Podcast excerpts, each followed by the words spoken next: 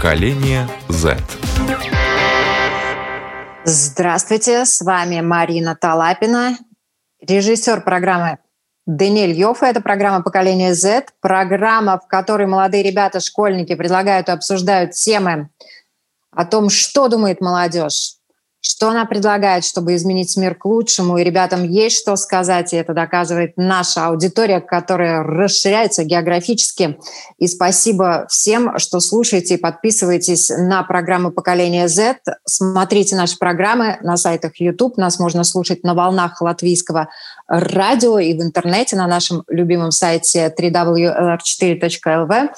Ну и подкаст можно слушать на всех платформах, включая Spotify, Apple, Google и э, в социальных э, сетях, э, на Фейсбуке, в Инстаграме. Вы тоже можете нас найти. Находите нас, подписывайтесь, пишите комментарии и предлагайте свои темы. Мы с радостью вас пригласим соберем народ, обсудим все, что будет любопытно и интересно. Ну а сегодня мы поговорим о том, о чем, когда я была подростком, вообще-то молчали говорили очень-очень шепотом, и если такое слово произносилось, которое я сейчас произнесу, оно было связано, как правило, с каким-то очень серьезным, жестким происшествием.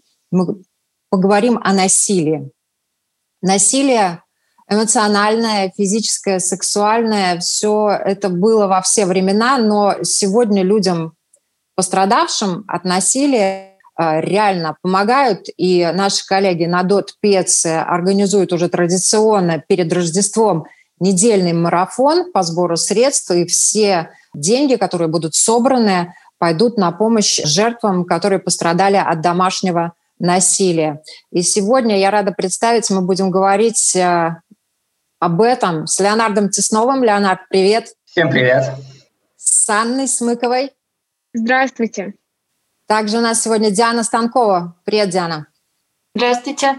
И Памела Степеня. Привет, привет. Первый вопрос, который я вам задам.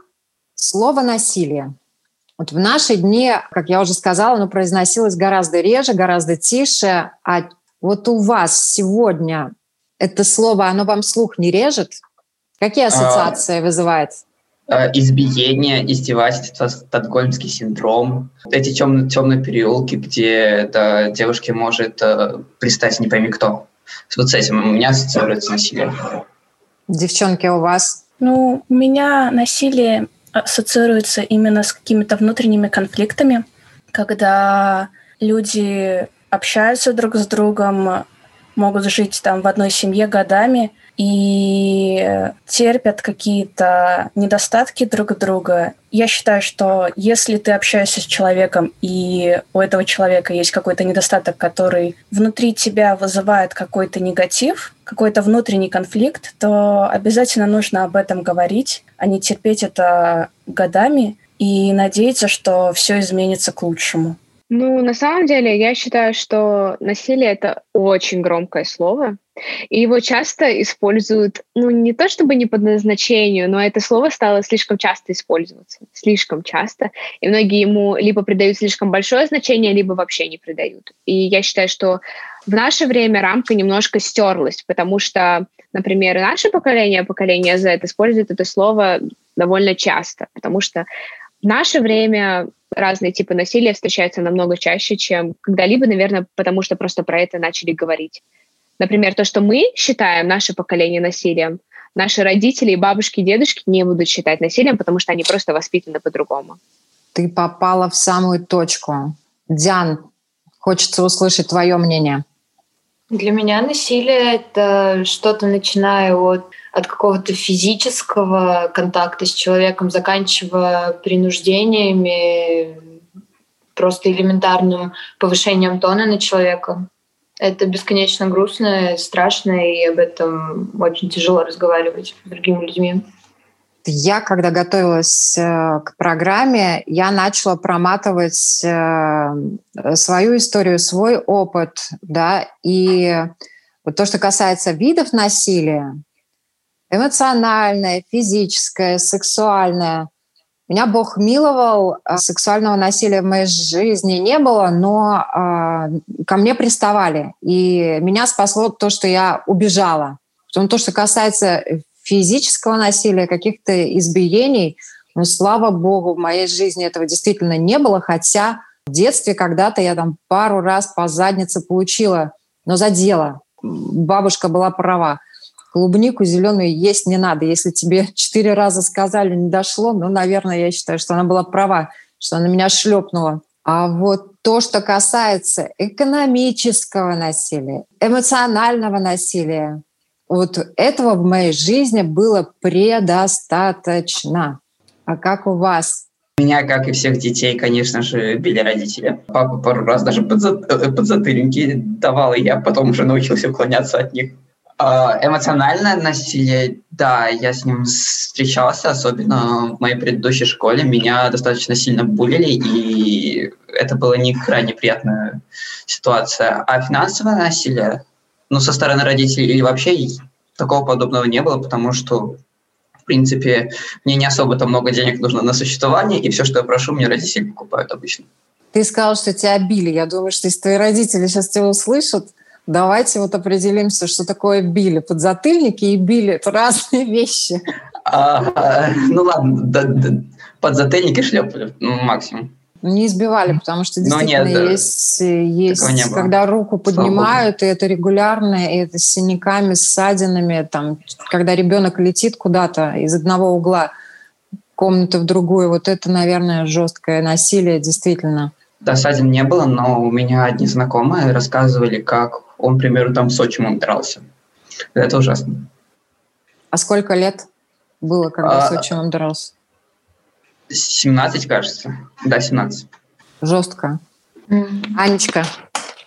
Ну, я скажу так, что в моей жизни ну, были разные виды насилия, благо физического не было, меня родители особо даже как-то и не шлепали, ни подзатыльники не давали никогда, потому что они считали, что это слишком неуместно, это может воспитать в ребенке излишнюю жестокость, и они были довольно правы.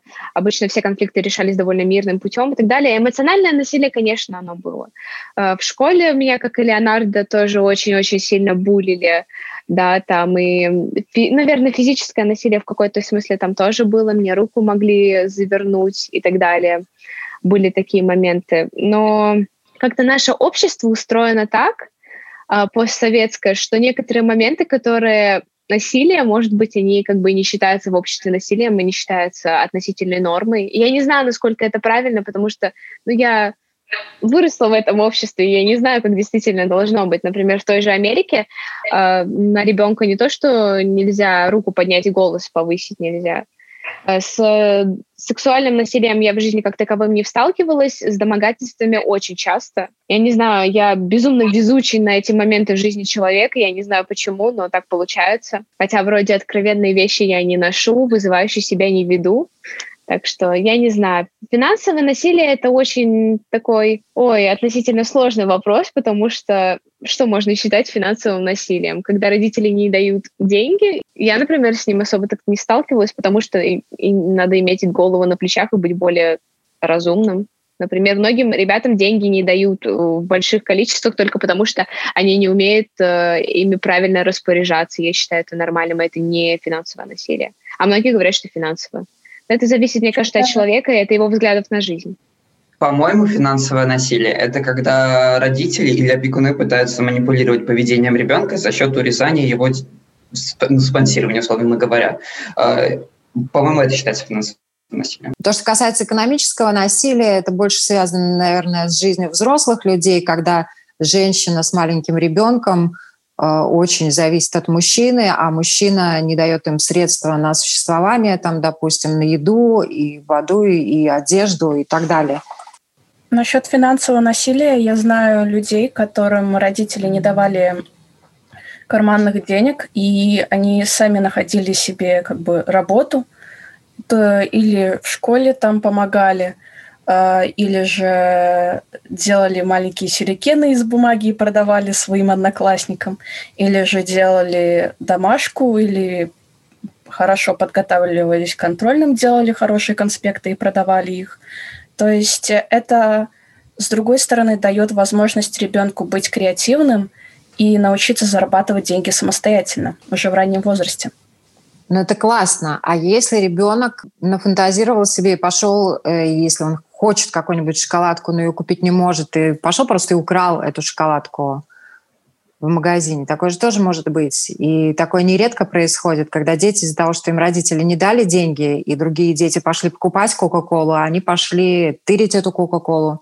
Это тоже опыт. Поймают, не поймают. Э, это тоже какие-то знания в голове у человека. И я думаю, Но это последствия. В какой-то мере это тоже полезно. Но вы согласны, что это последствия на самом деле того, что вот э, такое экономическое насилие над человечком происходило? Мне кажется, что, мне кажется, что это чисто воспитательный какой-то момент, какие вот ценности заложены ребенку, человеку в голову. Ну, я так считаю. Вот, например, у меня, ну, было, были моменты, когда у меня, ну, вот просто не было денег, и как бы, ну, мне же не пришло в голову сходить, что украть, потому что, например, меня так не воспитывали, я не представляю, как так можно сделать. Мне кажется, что это больше момент воспитания, если честно. Но я могу быть, опять же, не права. Я думаю, что это не воспитание, а именно внутри человека вот это вот э, желание быть таким же, как и все. Что вот э, все мои друзья, мы, я пошел с друзьями, мы пошли купили каждый что-нибудь, а я не смог купить. И вот такое вот чувство, а я тоже хочу. Внутри должно, ну, как бы для меня внутри должно быть такое чувство, ну, не получается у родителей, значит, ну, ладно. А ну, это все правильно, да, но жизнь немножко другая. Конечно, мы знаем все, как должно быть. Но ну, вот ситуация, как должно быть, и как э, есть на самом деле, они различаются. Вот э, я хочу услышать Диану по поводу ситуации э, насилия, с которыми может быть, она сталкивалась или которую она наблюдала рядом? Часто очень э, в моей жизни было эмоциональное насилие со стороны, ну, в частности, мужчин, когда мужчина чувствует э, полный, тотальный контроль над, э, над теми, кто живет с ним в доме, либо когда он просто понимает, что ну вот она женщина, а я вот мужчина, я могу делать все, что все, что не может она, я могу ее там как-то принижать, унижать и все остальное. И это достаточно часто у меня происходит и происходило в жизни, что пытаются поставить тебя в какие-то определенные рамки, хотя ты уже находишься в этих рамках, и они настолько сужаются с каждым разом, что это ну, иногда приводит к каким-то нервным срывам. А насчет физического насилия, ну, я часто получала от своего старшего брата, когда я была маленькая. Но я тогда этого не понимала. Ну, что он бьет и бьет. Но я тоже дралась с ним. Я ему там волосы поджигала и все остальное. Поэтому, поэтому как-то так. Ну, я думаю, что мы детьми все дрались. Я тоже со своим младшим братом дралась. А он мне конфеты дарил. Вот корни насилия. Начинается-то все достаточно безобидно, наверное. Чуть-чуть повысили голос. Вообще на латвийском радио в эти дни очень глубоко рассматривается насилие со всех сторон в разных программах и в рамках поддержки вот этого благотворительного марафона «Дот Пец», про который я рассказывала уже. Эм, вот я поняла для себя, помогать людям однозначно надо. И надо помогать как вот э, выкарабкиваться из разных э, ситуаций, в которые они попали, так точно и э, просто рассказывать об этом. Поэтому спасибо вам большое, что вы собрались и открыто об этом говорите и делитесь своим видением, своим каким-то опытом. Природа насилия, ну, на самом деле корни растут из агрессии, которая по природе человеку дана для того, чтобы он чего-то достигал, да. И мы, например, в программе «Школа для родителей» пообщались с психологом Вадимом Левикиным, который а, рассказал о разных видах насилия, многие из которых идут рука об руку. Да? То есть там, где эмоциональное насилие, там может быть и физическое. И где есть физическое насилие, там наверняка есть эмоциональное насилие. Да? И, например, когда дети в школе дерутся, на сегодняшний день у учителей нет права развести этих детей в разные стороны. А почему? Потому что если учитель чуть сильнее схватит кого-то за руку, то это могут расценить фактом, э, как факт насилия, и педагог просто потеряет работу, да. А вот то, что касается эмоционального насилия, про которое мы все сказали, да, а, от родителей вообще э, этому эмоциональному насилию подвергаются в той или иной степени все дети, которые отстают по учебе. И даже те, кто хорошо учится, есть родители, которые так прессуют детей, чтобы они хорошо учились, и это тоже есть эмоциональное насилие. Вообще дети достаточно часто, я думаю, что вы тоже со мной согласитесь, подтвердите, являются немыми свидетелями насилия, которое друг над другом совершают там родители. Да, и все это, естественно, не проходит бесследно. Первые воспоминания, привет! Памел, скажи, ну, как если ты готова поделиться этими воспоминаниями? Воспоминания, да. Э, это, ну, как бы первые воспоминания, это где-то 3-4 года, там 5 лет. И э, я помню, как я стояла у двери, и как бы дверь шкафа была вот так вот открыта. И я слышала, как мои родители ругаются. И потом меня в какой в какой-то момент отвезли к бабушке. Я, я, я не знаю, вот я уже не помню примерно вот эти вот, э, когда, дни и все такое. Но я помню, как я стояла у окна, ждала маму, эм, смотрела, считала машины, смотрела, стояла, эм, ждала ее звонка. И в этом детском садике тоже стояла просто вот так вот смотрела на проходящих людей и думала, кто из них моя мама, когда мама придет. А это тоже в какой-то мере эмоциональное насилие, потому что мои родители как бы поссорились, и папа не разрешал видеться маме со мной, и из-за этого какие-то внутренние конфликты у меня еще до сих пор сохранились, и мне приходится с ними сейчас, да, вот бороться с этими различными страхами. И я даже смотрела видео, где провели такой эксперимент, а, оставили ребенка в Э, до, доме для детей, и мама уехала рожать э, его, ему братика. И там показывалось видео, насколько э, сильно менялось вот настроение этого ребенка, что он не хотел играться ни с игрушками, э, он хотел побольше внимания от нянечки, что когда мама все-таки пришла, он к ней даже не побежал, но когда моя мама пришла ко мне, я к ней побежала. И вот э, если бы мне в тот момент сказали, что или дали бы телефон, э, чтобы я смогла с ней поговорить, или сказали бы, что там родители разводятся, ты сейчас не можешь встретиться с мамой. Ну, если был бы какой-то разговор, я думаю, мне было бы сейчас намного проще. Тебе не удалось поговорить с мамой после этого, вот об этой истории когда-нибудь вообще? Ну, я не вижу смысла как бы об этом говорить, потому что э, я все конфликты, которые происходят в моей жизни и происходили, я их очень сильно разбираю. Вечером перед сном я всегда думаю о том, что произошло за день, э, какие хорошие поступки, плохие были у меня, у других людей. Я вот э, пишу свой блог в Инстаграме, как бы рассказываю о своих мыслях, пишу дневник, который потом перечитываю и смотрю на то, как изменилось э, мое отношение к различным вещам. Я стараюсь как бы самостоятельно решить все эти пробелы, но вот э, этот вот конфликт между родителями, он никогда не должен переходить на ребенка. Потому что это очень тяжело, когда... Простите. Каждый Новый год мне приходится выбирать между мамой и папой, например. Или проводить Новый год в двух-трех местах.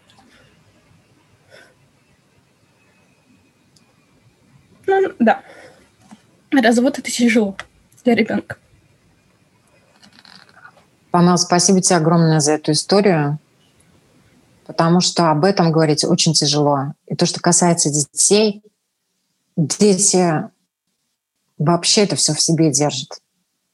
настолько все в себе держат и отстраняются, и отстраняются и а, от родителей, и с родителями, самыми родными людьми не обсуждают эту историю, и, конечно же, не обсуждают ее э, ни с кем другим. Хорошо, если, может быть, есть какая-то бабушка, может быть, если у подростка есть какой-то друг хороший, который может просто выслушать. Но на самом деле, действительно же, ребят, мало кто об этом говорит. А с кем вообще можно в такой ситуации поговорить? Вам в школе об этом рассказывают что-то? Рассказывали в классе третьем, после чего мы уже совершенно все забыли. А, насколько я знаю, есть, э, есть э, колл-центр, в который можно позвонить и высказать все, что ты чувствуешь, и там помогут. У меня, когда накипело что-то, я хочу что-то высказать, а раньше я держал все в себе, но я потом нашел, потом у меня появилось больше друзей, и я попробовал как бы им высказывать все, что я чувствую. И мне это очень, на самом деле, стало помогать справляться со всеми переживаниями и с разными видами насилия, с которыми я встречаюсь. Помогает, например, да. искусство. А, для меня жизнь — это жизнь и творчество. Каждая ситуация меня должна чему-то учить. Я в каждой ситуации нахожу что-то, вот этот вот волшебный элемент, который сделал меня лучше. Если я его еще не нашла, то я его ищу, ищу, ищу и рисую картины, э, делаю видео, анализирую каждую ситуацию. Но вот это вот просто пообщаться с человеком, для меня это не самое главное. Самое главное — это разобрать этот конфликт именно в самом себе, чтобы мыслить о нем позитивно, а не негативно. А, мне сейчас Памела напомнила про искусство, и иногда я еще как бы вот настроение ужасное после конфликта, я включаю музыку веселую погромче, э, натягиваю улыбку на лицо, и потом со временем я уже с, э, самому становится легче, из- из-за музыки, из-за того, что сам улыбаешься, и настроение становится хорошим, и ты успокаиваешься относительно этой темы. Я к такому методу иногда прибегаю. А, ну вот э, насчет разводов, это да, это очень сильное эмоциональное насилие э, в случае, если родители не могут договориться именно. Вот это сложно. И пусть они даже это не показывают, но ты очень чувствуешь это напряжение. Вот в этом году у меня буквально ну, вот родители пережили развод. И когда ты в более осознанном возрасте, я даже не знаю, легче это или тяжелее. Простите, мне тоже об этом не, не сильно легко говорить. Вот. Э, ты просто понимаешь лучше ситуацию, что да, вот так произошло, но тем не менее, когда ты более взрослый, ты понимаешь, что вот есть этот вот выбор.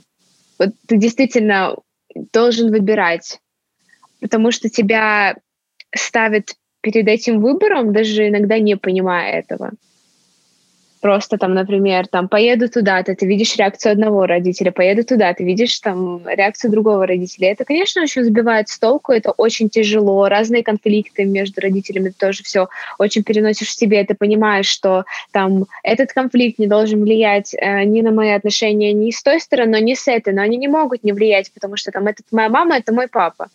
И это очень тяжело, потому что иногда ты не понимаешь, что делать, а родители тебе говорят, ты достаточно взрослый, чтобы сделать там определенный выбор насчет того, что ты хочешь это, хочешь там общаться или не хочешь общаться. Это тоже сложный выбор и так далее, потому что все равно какой-то прессинг с обоих сторон он идет. Вот.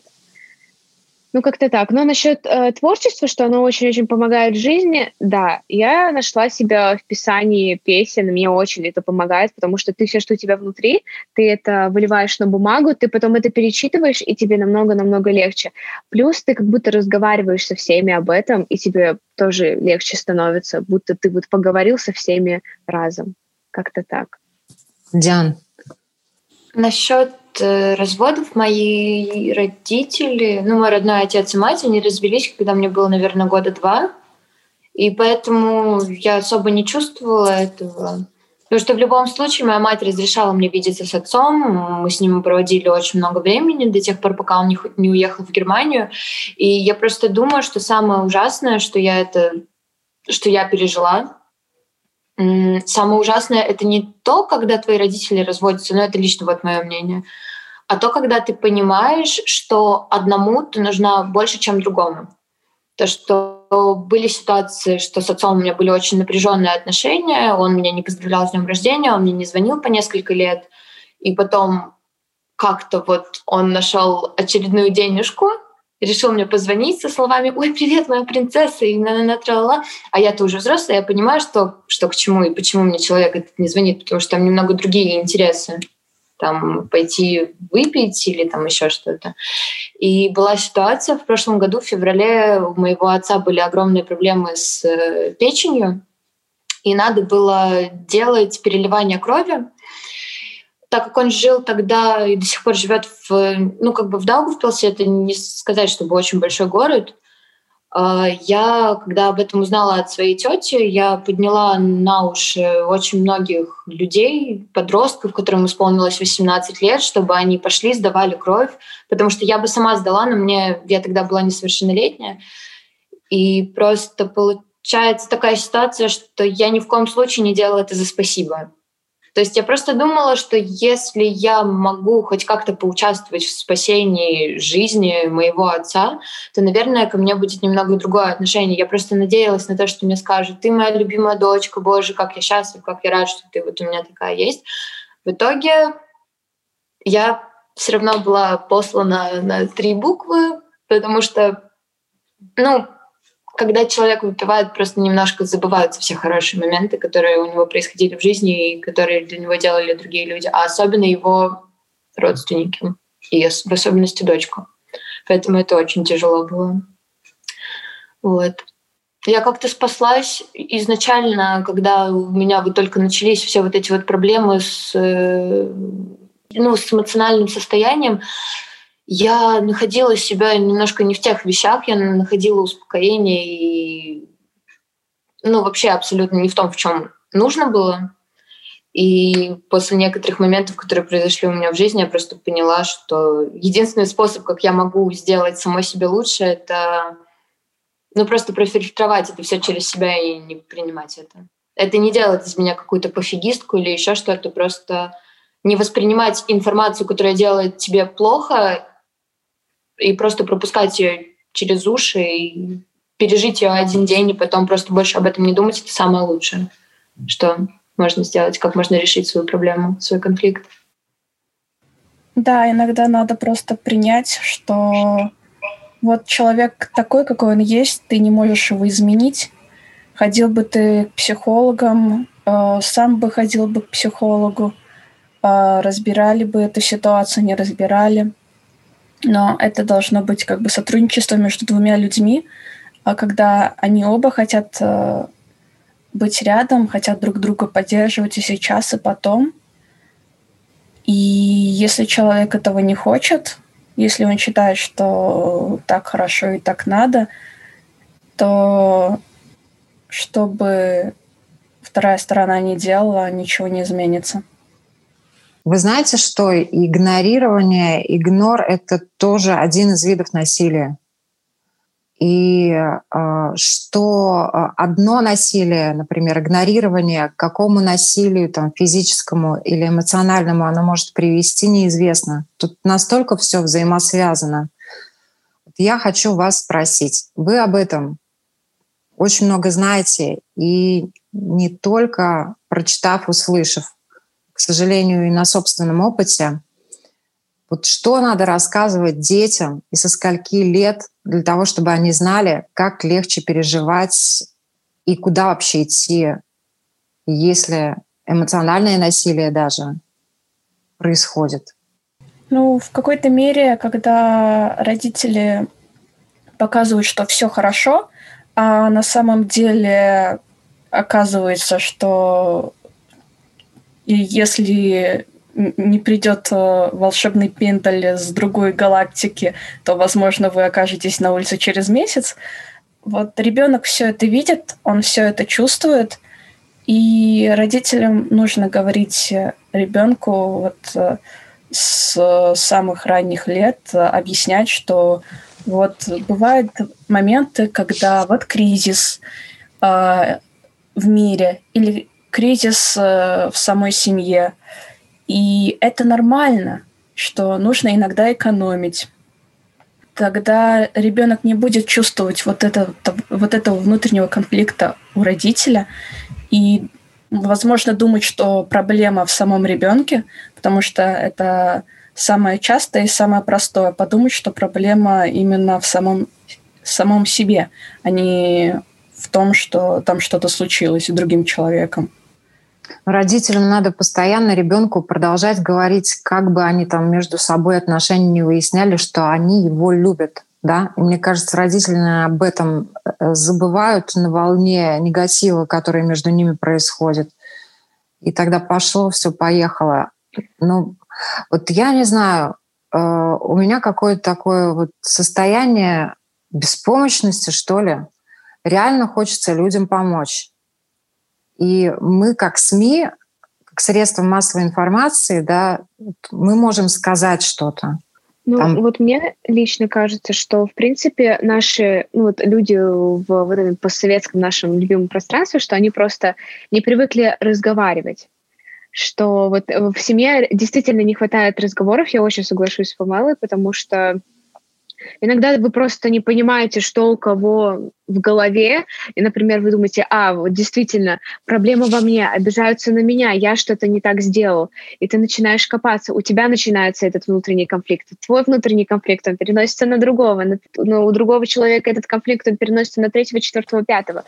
И когда вы просто садитесь и обсуждаете, там, например, что тебе сделала я неприятно, что мне сделали неприятно, например, что проблемы не в тебе, так просто бывает, это настолько важно, это решает практически все проблемы в семье.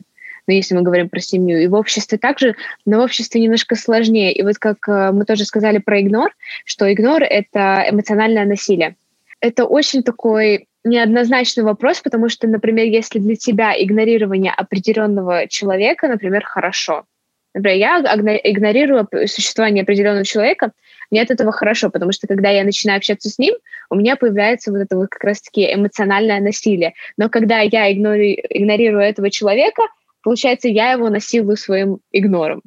Поэтому тут очень такой вопрос э, о двух концах, скажем так. Я бы хотел сейчас добавить э, к словам Ани то, что я правда заметил, когда ты человеку высказываешь все, что есть на душе, и он высказывает все, что есть на душе, вы чаще приходите к консенсусу, и все заканчивается мирно. Также она упомянула по поводу игнора. На самом деле психологи иногда советуют при очень таких тиранистических родителях отдаляться от них и немного даже их игнорировать, потому что это для индивида иногда единственный способ сохранить э, стабильную психику без э, прибегания к использованию психолога.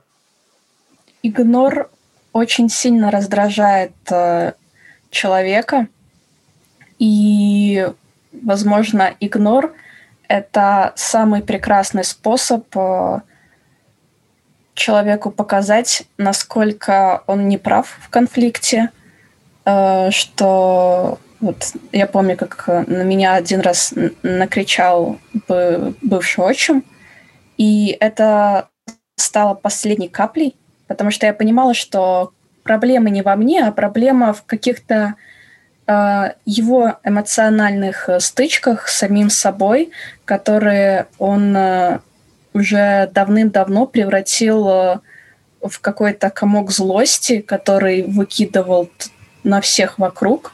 Сейчас он выкидывает этот комок злости в интернет, и, и он сначала скидывал эти видео и мне, и маме. Мы это все...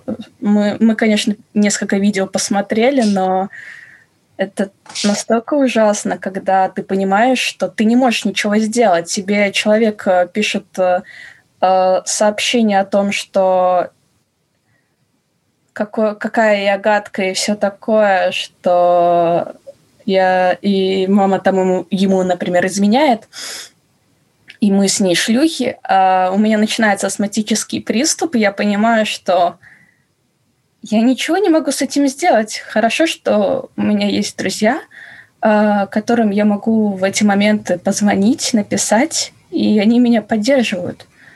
А, поддерживали. Сейчас уже более-менее спокойно, но в таких ситуациях, как э, эмоциональное насилие, оно не котируется в Латвии как проблема – а, нам нужно довести конфликт до того, чтобы нас ударили. Тогда мы сможем что-то сделать. Мне кажется, это вот очень хороший совет.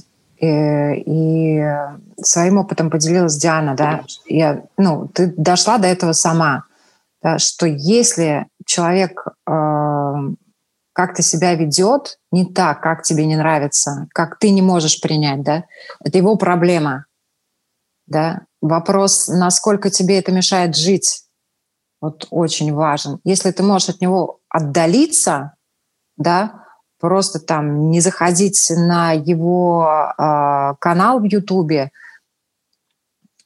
не смотреть, что он там делает в социальных сетях, э, вот это, наверное, лучшая такая душная. Вообще не, ну, дышишь без этого человека легче, ну, ну и дыши, да. Так часто случается, что вот то, что касается, например, игнорирования, когда интересы детей игнорируются э, родителями, от которых эти дети зависят, вот это жесть. Да? И, к сожалению, при великому сожалению, но, может быть, и к счастью, дети лучше всего адаптируются к разным видам насилия. Да? Вы тоже уже говорили, что э, были какие-то ситуации, когда вы были маленькими, и вы даже не понимали, не представляли, не обращали внимания на нас, ну, что это насилие, что это вас э, как-то задевает, обижает. Вот какие вещи, на ваш взгляд, очень сложно простить другим людям? Вот лично вы не смогли бы простить именно то, что касается ну, такого эмоционального насилия, обиды? Что очень тяжело простить э, то, когда ты, например, своим близким людям, ну вот родителям, бабушкам, дедушкам говоришь о том, что тебе плохо, что тебе грустно, что вот какие-то определенные факторы сделали так, что вот сейчас твое психоэмоциональное состояние настолько пошатано, что ты плачешь каждый день и все остальное, а они ничего не могут тебе сказать, они это воспринимают как просто какую-то глупость, как какой-то юношеский максимализм, который ну, ну это, же, это же фигня полная, это же пройдет там, через две недели. Вот. И самое ужасное, что, например, вот как я на своем опыте знаю, когда я рассказывала человеку о своих переживаниях, о том, что мне было настолько плохо, что у меня появлялись всякие, всякие разные ужасные мысли в голове, человек, он как будто покрывался какими-то шипами, у него был кляпом заклеен рот, он стоял вот так вот в ступоре, он ничего не мог сказать. И самое ужасное, что человек это потом сам приним, ну, что он это сам все понимает, и потом мне об этом говорит, о том, что ну я не могу, я не могу тебе ничего сказать, мне просто у меня какое-то отторжение от тебя идет, мне от тебя, ты мне отвратительно становишься, когда ты мне говоришь о своих проблемах. Это ужасно. Ну, мне очень нравится рисовать, и из-за, я уже рассказывала, э, развода родителей, мне получилось так, что я очень привязываюсь к каким-то вещам, и вот э, кисточки, краски, а, блокнотик бумаги. И я к таким вещам очень э, трепетно отношусь. Если к вам придет чужой человек, маленький человек, который сядет и будет сидеть, и вы будете понимать, что что-то произошло, как вы себя будете вести в такой ситуации? Я спрашиваю, что случилось дам возможность выговориться, потому что многие люди как говорят, что они не хотят об этом говорить, но на самом деле выговориться это как раз то, что им нужно. А потом бы я бы приобнял и сказал то, что все будет хорошо, ты просто потерпи. Все равно. На самом деле, когда сидит человек, просто молчит, и ты понимаешь, что что-то случилось, я думаю, что самое лучшее, что можно сделать, подойти, утешить этого человека объятиями без лишних вопросов, что случилось, а что произошло, а как так, а почему, а что.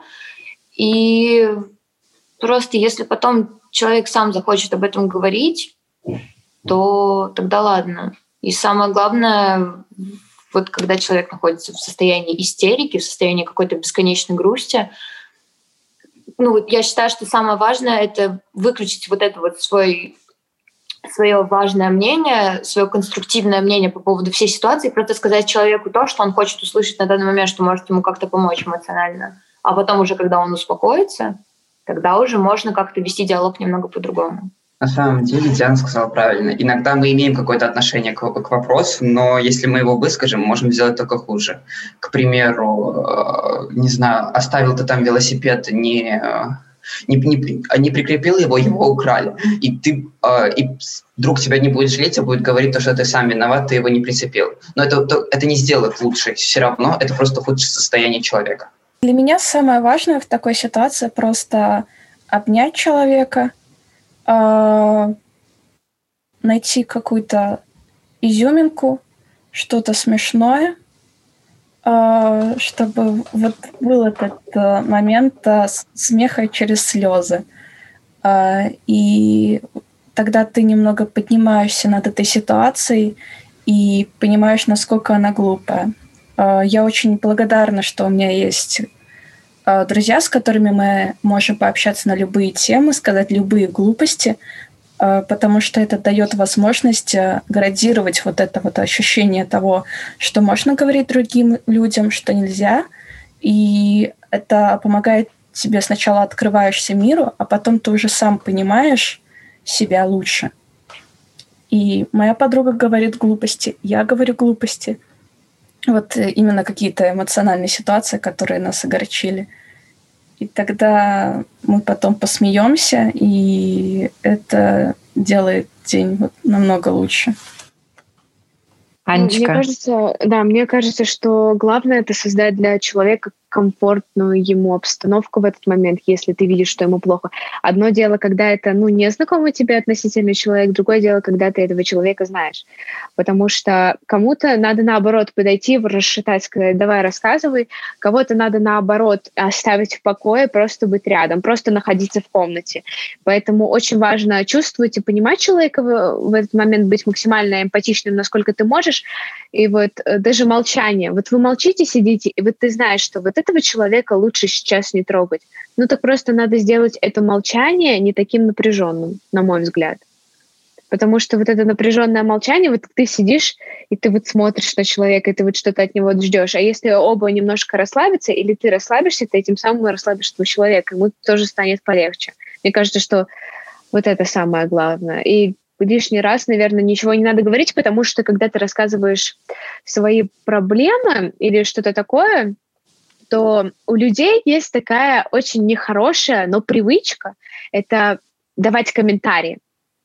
То есть э, оценивать как-то ситуацию, говорить, как бы ты поступил, ой, не расстраивайся, ну, давать оценку ситуации. Это самое ужасное, что может быть в любом случае, пока человек тебе вот так вот прямо в нос не подойдет и не скажет, мне нужен совет, поговори со мной, скажи мне, что делать. Самое худшее – это давать комментарии. Вот это мое мнение на этот счет. И я надеюсь, я сразу скажу, что наша передача принесет немножечко добра даже такой тяжелой темы в этот мир, потому что э, я надеюсь, что многие люди перестанут молчать, смотря любую тему, потому что молчание, оно убивает. И как и тебя внутри, так и все, что находится вокруг тебя. Тут вообще, конечно, Анечка молодец. Она вот сказала так, наверное, я тоже стала думать, что, мне кажется, наша программа сегодняшняя, она э, реально должна кому-то помочь. И если какие-то струны души, уважаемые зрители, слушатели, она у вас затронула, дайте знать, пишите нам комментарии вот просто про масштаб проблемы, который колоссален. До 38% всех убийств женщин совершаются интимными партнерами. Это статистика. И кроме того, статистика о тех, э, кто, наверное, не может так хорошо рассказать свою ситуацию, это дети, маленькие дети, да. Согласно оценкам э, Всемирной организации здравоохранения, 1 миллиард детей в возрасте от 2 до 17 лет. Это половина детей в мире за последний год пострадали от физического, сексуального или психологического насилия или отсутствия заботы. И я надеюсь, что те, кто нас слышал, хотя бы на какое-то время, мы все станем добрее. Спасибо огромное. Сегодня с нами тему насилия обсуждали Леонард Теснов, Анна Смыкова, Диана Станкова, Памела Степеня. И еще раз спасибо вам большое.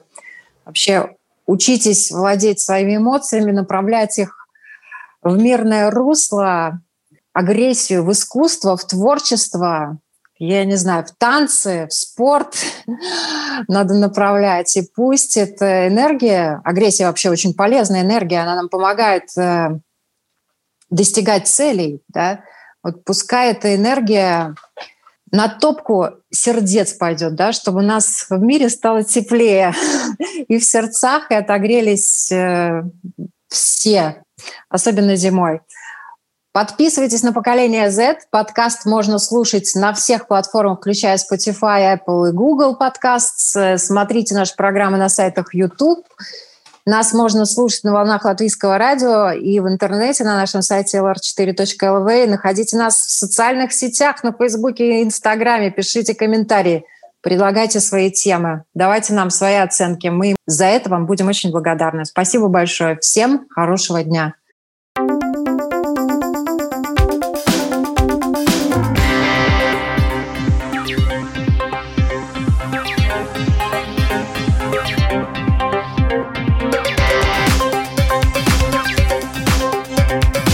Поколение Z.